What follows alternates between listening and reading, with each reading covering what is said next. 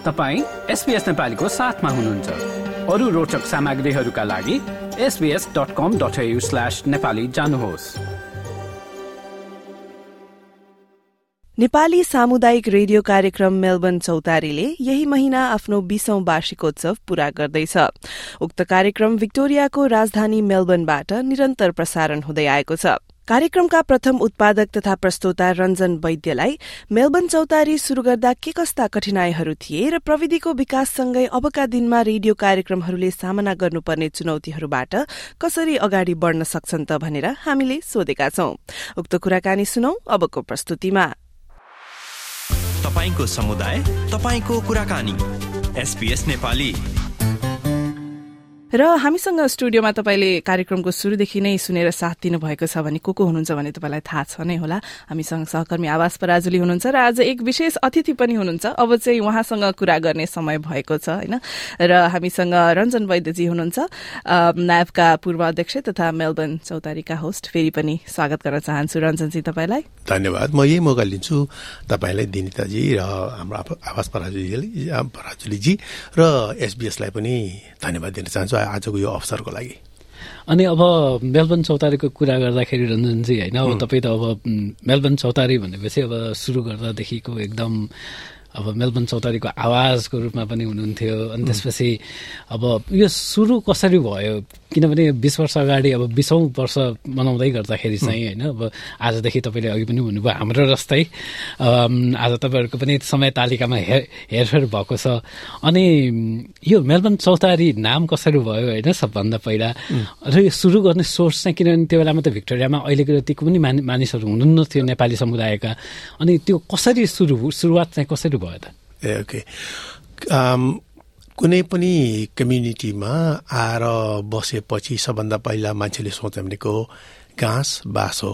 होइन? अनि त्यसपछि आफ्नो आइडेन्टिटी खोज्छ मान्छेले। अनि त्यसपछि आफ्नो सेक्युरिटी खोज्छ मान्छेले आफ्नो। त्यसको लागि चाहिँ मास मिडिया एउटा ठुलो जरुरी हामीले फिल गरेका थियौँ। किनभनेदेखि त्यही बेलामा पनि नेपाली कम्युनिटी क्वाइट स्क्यादर थियो। जस्तै कि अब गिफ्टल्यान्डदेखि लिएर सेफर्टनदेखि लिएर अरू अनि सबैजना त्यो बेलामा त फेरि यो सोसियल मिडिया पनि त्यति राम्रो थिएन। खासै थिएन भने पनि हुन्छ। अनि सबैलाई गाँच्ने जोड्ने एउटा माध्यम चाहिने भएको हुनाले एउटा कुनै रेडियो भए हुन्छ भन्ने खालको सोच आएपछि एउटा रेडियो बनाए यो प्रोग्रामको लागि कोसिस गरियो।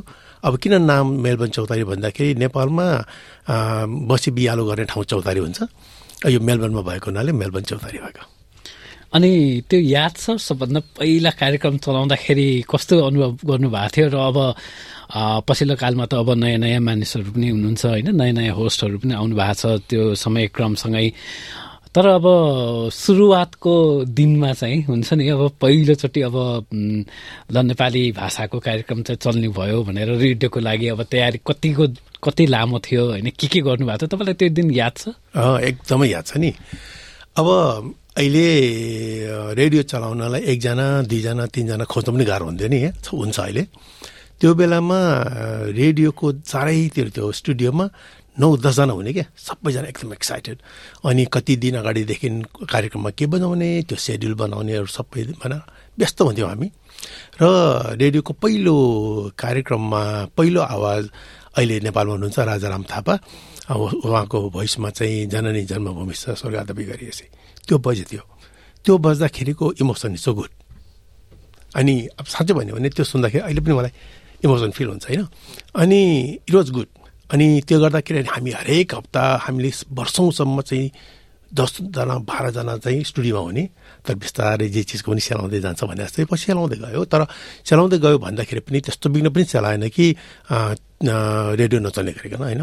त्यसैले पहिलो दिन सम्झिँदा के मलाई आयो त्यो अहिलेसम्म झल्झल्ती याद आउँछ क्या अनि त्यो रेडियोले गरेर चाहिँ नेपाली समुदाय मेलबर्न अथवा भिक्टोरियाभरिको नेपाली समुदाय अब पछि त अलिकति अलिक पछि भएपछि त इन्टरनेटमा पनि स्ट्रिम हुन थाल्यो होइन। कस्तो के प्रभाव पारे जस्तो लाग्छ? किनभने किनभने हाम्रो सोसल फेब्रिक जुन छ नेपालीहरूको अस्ट्रेलियामा मेलबर्नमा भिक्टोरियामा होइन? त्यसमा कस्तो प्रभाव चाहिँ तपाईँहरूले छोड्नु सक्नुभयो जस्तो लाग्छ यो बिस वर्षको दौरानमा होइन? अब आगामी दिनहरूमा त च्यालेन्जेसहरू अब टेक्नोलोजीले गरेर पनि धेरै छ।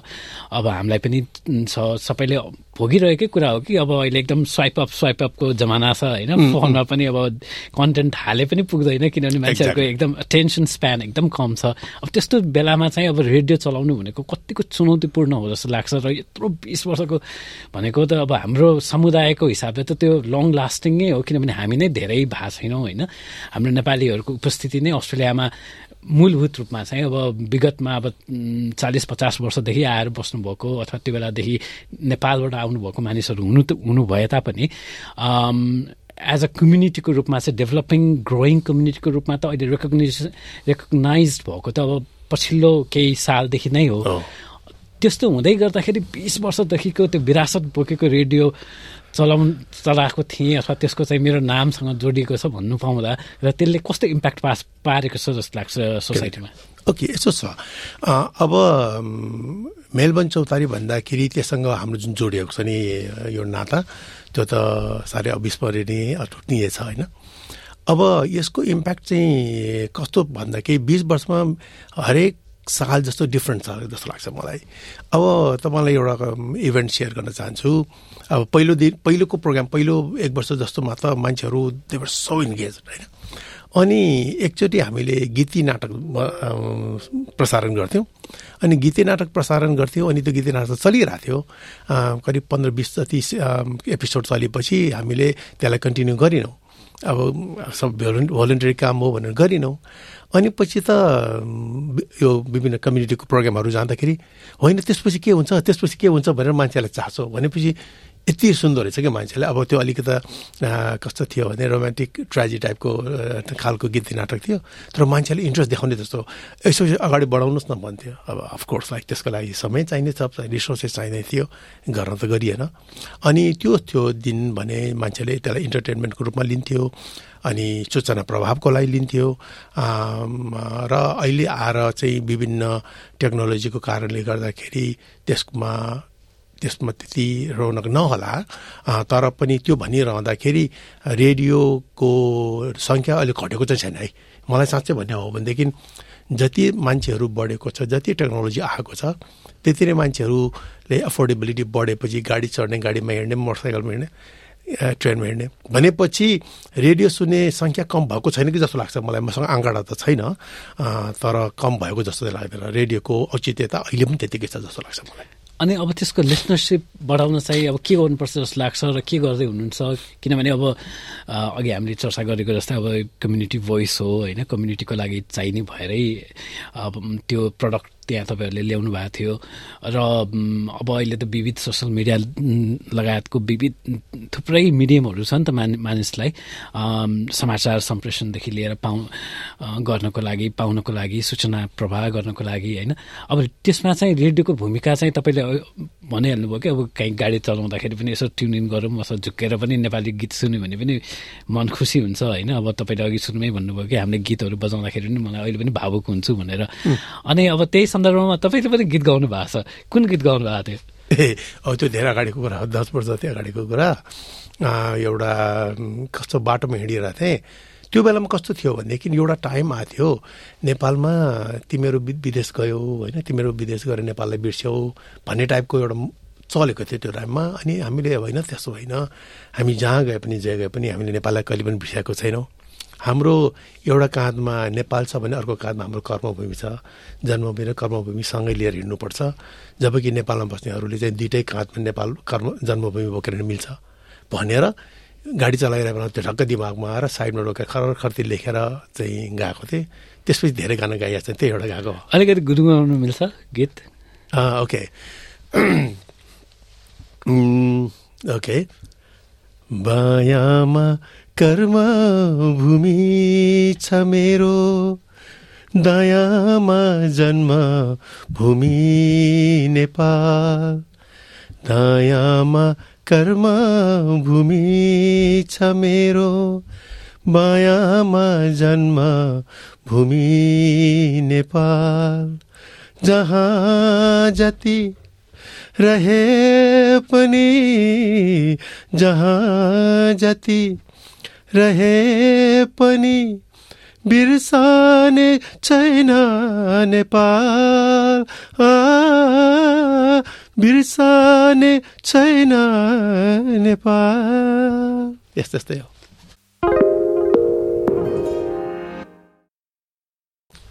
रञ्जनजी अनि अब यो कार्यक्रममा चाहिँ के कस्तो सामग्रीहरू बजाउनुहुन्छ तपाईँहरूले? होइन अब हाम्रो हाम्रो कार्यक्रम मार्फत चाहिँ हाम्रो कार्यक्रम सुनिराख्नु भएको श्रोताहरूलाई चाहिँ के बताइदिनुहोस् भने तपाईँहरूको कार्यक्रममा चाहिँ के बज्छ त? अब हाम्रो कार्यक्रममा त तपाईँ बजिरहनु भएको छ आज होइन। अब तपाईँहरूको कार्यक्रममा चाहिँ सुरुवातमा सुरुवातका दिनहरूमा के बज्थ्यो होइन? र अहिले समयसँगै समयक्रमसँगै चाहिँ के कस्ता परिवर्तनहरू भएका छन्? र अहिले अब आज बेलुका आठ बजे तपाईँको कार्यक्रम सुन्ने श्रोताहरूलाई चाहिँ के अपेक्षा किन सुन्ने त अब भनौँ भन्ने? कुरा हजुर ओके म यही मौकामा एकचोटि मैले तपाईँको तिस सेकेन्ड जति लिन्छु होला किनभने यो बिसौँ भनौँ न वर्ष दिदी केटा गइसकेको। भएको हुनाले म पुरानो जसले सुरु गरेको उनीहरूको नाम अलिकता म त लिन चाहेँ है। चाहिँ अब जस्तै यो कार्यक्रम सुरु हुँदाखेरि यो त कार्यक्रम कसरी सुरु भयो भन्ने कुरामै गर्ने हो भने त्यो बेलामा नेप्लिज एसोसिएसन अफ भिक्टोरियामा हामीले सानो कम्युनिकेसन टिमहरू बनाएका थियौँ। त्यसका मेम्बर्सहरू नै हो मेनली होइन। अब त्यस बेलामा मतलब त्यो बेलाका राजु साक्य भयो होइन। सुधीर साक्य भयो सुरेन्द्र सेडाई भयो होइन। अनि दिपिका शेरचन राजाराम थापा भयो अनि अब टोनुहरू टोनुको धान्यो उनीहरू सबै गरेर यो कार्यक्रम सुरु भएको त्यो दिन बेला म उहाँलाई सम्झिन चाहेँ र त्यसपछि अब अहिले आएर चाहिँ अहिले कार्यक्रम चलाइ रन गरिरहनु हुने चाहिँ हाम्रो अनिस गैरे भाइ हुनुहुन्छ। र कार्यक्रमको अहिले के बज्ने कसरी बजाउने भन्ने कुरा चाहिँ अहिलेको टिमले गरिरहेछ लाइक अनिस गैरे भाइहरूले। र र अर्को मैले कसलाई पनि सम्झिन चाहेँ भनेदेखि यो बिस वर्षको दौरानमा लङ्गेस्ट सर्भिङ होस्ट हो लोक राई र पेसल लुइटेल बिचमा हुनुहुन्थ्यो। उहाँलाई पनि सम्झिन चाहेँ। अब कार्यक्रम कस्तो चलिरहेछ भन्दाखेरि अहिले प्रायः जस्तो त्यही कम्युनिटी न्युजहरू होइन अनि नेपाली गानाहरू बजाउने र के अरे न्युजहरू हुन्छ प्रायः। र अहिलेको फर्मेट चाहिँ प्रायः त्यसै नै चलिरहेछ अहिले पनि। र अब आज के बच्छ भन्ने कुरा चाहिँ मलाई ठ्याक्कै थाहा भएन। इट्स मोर अबाउट अनिस भाइले नै रन गर्ने हो। र आज पहिलो दिन भएको हुनाले मेलबर्न चौतारीको बारे नै कुरा गर्ने भन्ने कुरा चाहिँ भएको थियो मेरो होइन हाम्रो लोक भाइसँग त्यसैले त्यही अपेक्षा गर्न सक्नुहुन्छ होला सायद मोस्ट प्रोभाब्ली आजको प्रोग्राममा। अनि अब यो त भयो मेलबर्न चौतारीको बारेमा होइन अब तपाईँ पनि अस्ट्रेलिया आउनु भएको छ भने अघि हामी अफेयरमा कुरा गर्दै थियौँ पच्चिस वर्ष जति भयो भनेर। तेइस चौबिस वर्ष। अनि कस्तो थियो त त्यो बेलाको अस्ट्रेलिया र अब त्यो बेलामा अस्ट्रेलिया आउँछु भन्दाखेरि अस्ट्रेलिया आएपछि र अहिलेको यो पच्चिस चौबिस वर्षको दौरानमा चाहिँ के कस्तो फरक पाउनु भएको छ तपाईँले अस्ट्रेलियालाई? ए ओके अब हामी भनौँ न हामी नै भन्नु पर्ला तेइस चौबिस वर्ष अगाडि आउँदाखेरि मेलबर्नमा नेपाली मान्छे भेट्नु नै साह्रो। कि कोही पर नेपाली कसैले बोलिरहेको भयो भने पनि हामी गएर बोल्ने त्यस्तो छ भने अहिले त नेपाली बोलिरहेको मान्छे देख्यो भने इट्स सो कमन होइन? अनि एउटा इभेन्ट छ म चाहिँ कोबर्गमा चिया खाइरहेको थिएँ। अनि पर एकजना एकजना हुनुहुन्थ्यो लाइक नेपाली टोपी लगाएको अनि मोटो मोटो जुङ्गा भएको उहाँ हुनुहुन्थ्यो। अनि सो एक्साइटेड भएर मैले गएर चाहिँ उहाँसँग बोल्न गएको त उहाँ त नेपाली नै होइन रहेछ खास। उहाँ चाहिँ इन भारत भारतीय हुनुहुन्थ्यो।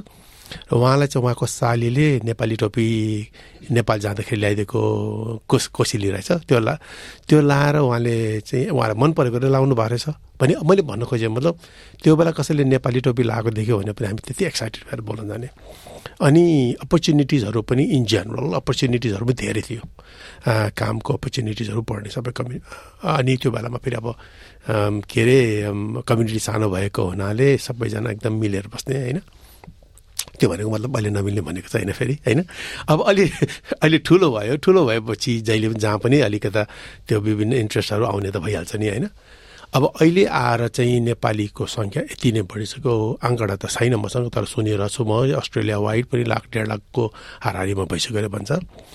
त्यो सङ्ख्या बढे अनुसारको अघि मैले भने जस्तै आफ्नो इन्ट्रेस्टहरू बढ्दै जाने विभिन्न भा भाषिक के अरे लैङ्गिक अनि त्यसपछि के भन्छ यो नेपालको विभिन्न रिजनल कम्युनिटी सेन्ट कम्युनिटी ग्रुपहरू बन्दै जाने। अब त्यो बनेको छ। त्यो नराम्रो पनि होइन तर त्यसले राम्रोसँग त्यसले निम्त्याउने केही विवादहरू पनि आएको छ कम्युनिटीमा। अब राम्रो नराम्रो सबै छन् अहिले। र अब कम्युनिटीमा मेरो विचारमा अस्ट्रेलियन इकोनोमी राम्रो भएको हिसाबले अपर्च्युनिटिज अहिले पनि मेरो विचारमा राम्रै छ जस्तो लाग्छ। र त्यो बेलामा नेपालीहरूले कुनै अर्गनाइजेसन रन ओन सरी कुनै बिजनेस ओन गर्ने भने ठुलो कुरो थियो कि होइन? अब अहिले सो कमन होइन? त्यसले गर्दाखेरि ल्यान्डस्केप त धेरै नै चेन्ज भएको छ भनौँ न म आउट चाहिँ like hundred eighty degree different छ त्यो बेला आज।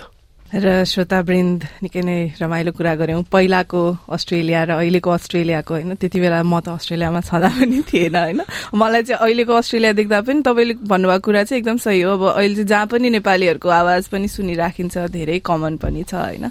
र श्रोताबिन्द भने हामी चाहिँ कार्यक्रमको अन्त्य अन्त्यमा आइपुग्न लागिसकेका छौँ होइन?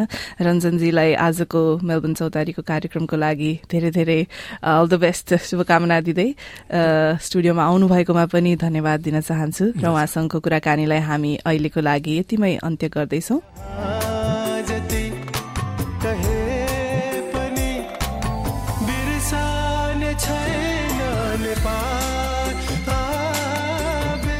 र गत बीस वर्षदेखि सञ्चालन हुँदै आएको मेलबर्नको सामुदायिक नेपाली रेडियो मेलबर्न चौतारीको बारेमा यो कुराकानीलाई तपाईँले हाम्रो website SBS dot com dot AU slash नेपालीमा गई वा आफ्नो फोनमा एसबीएस अडियो एपलाई निशुल्क डाउनलोड गरेर सुन्न सक्नुहुन्छ।